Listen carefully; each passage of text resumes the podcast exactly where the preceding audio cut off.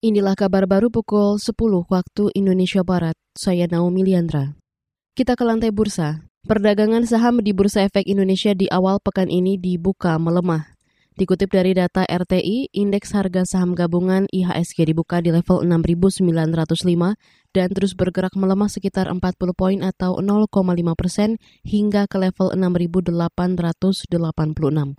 Pada akhir pekan lalu, IHSG ditutup menguat ke rekor tertinggi di level 6.928. Namun IHSG rawan tertekan aksi ambil untung.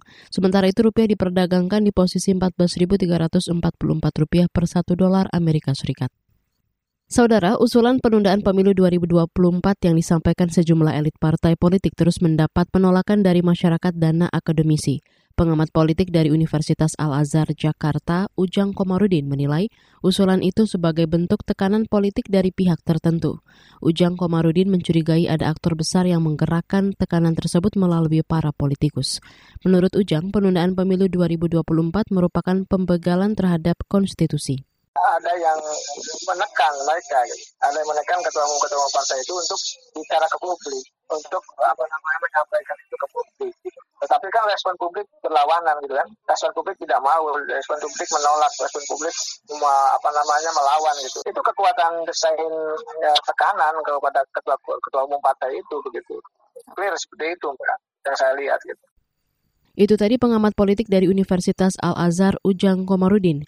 Sebelumnya, usulan penundaan pemilu 2024 disampaikan oleh elit Partai Amanat Nasional, Golkar, dan PKB. Sejumlah alasan penundaan pemilu itu antara lain karena alasan dampak ekonomi akibat pandemi COVID-19 dan masyarakat yang masih menginginkan Presiden Joko Widodo kembali memimpin Indonesia.